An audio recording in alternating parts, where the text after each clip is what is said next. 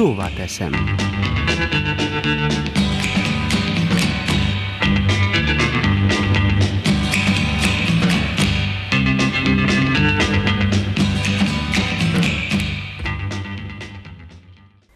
Régen volt.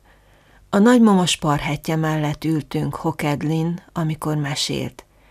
Tekintete ilyenkor valahova távolba révett. Szép ember volt a tengernagy, magas és feszes derékkal ült a fehér lován, amikor elhaladt előttünk, mesélte a nagymamám. A névvel akkor még kisiskolásként nem találkoztunk, más jelképrendszerben éltünk, de átéreztem az élménye jelentőségét, hiszen fiatalasszonyként a magyar főváros emlékezetes eseményének volt részese, aki az akkor még alig három éves édesapám kezét szorította tömegben. Mi más világot éreztünk a magunk természetes közegének, de ezen nem sokat gondolkodtunk. Vártuk a következő szelet, Baracklek város kenyeret. Augusztus 20-a számomra édesanyám születésnapjának a közelettét jelentette, aki életének nagy részét abban a mély belső meggyőződésben élte le, hogy aki burokban jön világra, az az élet megpróbáltatásaival szemben többszörösen védett, vagy legalábbis ellenállóbb lesz. Tudat alatt ebből merítette mérhetetlen energiáját. Nem is csoda, hiszen már születésének ténye enyhített a családok közötti feszültségen, amelyeknek azonban nem sokáig örülhettek, hiszen a történelem kegyetlenül szakította szét azokat a szálakat, amelyek egy boldogabb élet erővonalai lehettek volna.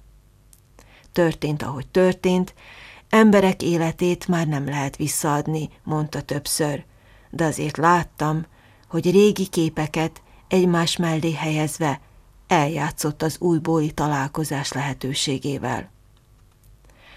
Ha augusztus vége, akkor a piac jut eszembe, az illatos őszi barackok piramisba rakva, a szőlő fürtjeinek sötét és édes szemei, a kosár a karfiollal, a kerek és édes paprikával, a főt kukorica illata, amelyik betölti a konyhát. Ünnep volt a nyári reggelen fellocsolt folyosó, a repkény árnyai. Nagymama háza előtt virágoztak a nyári őszi rózsák, abból vittem a születésnapi csokrot, ugrándozva haza, és később is, amíg a nagymama élt.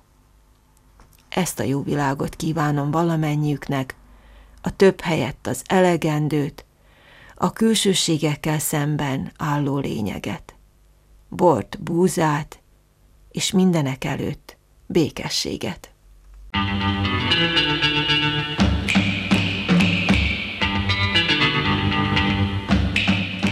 Szóvá teszem.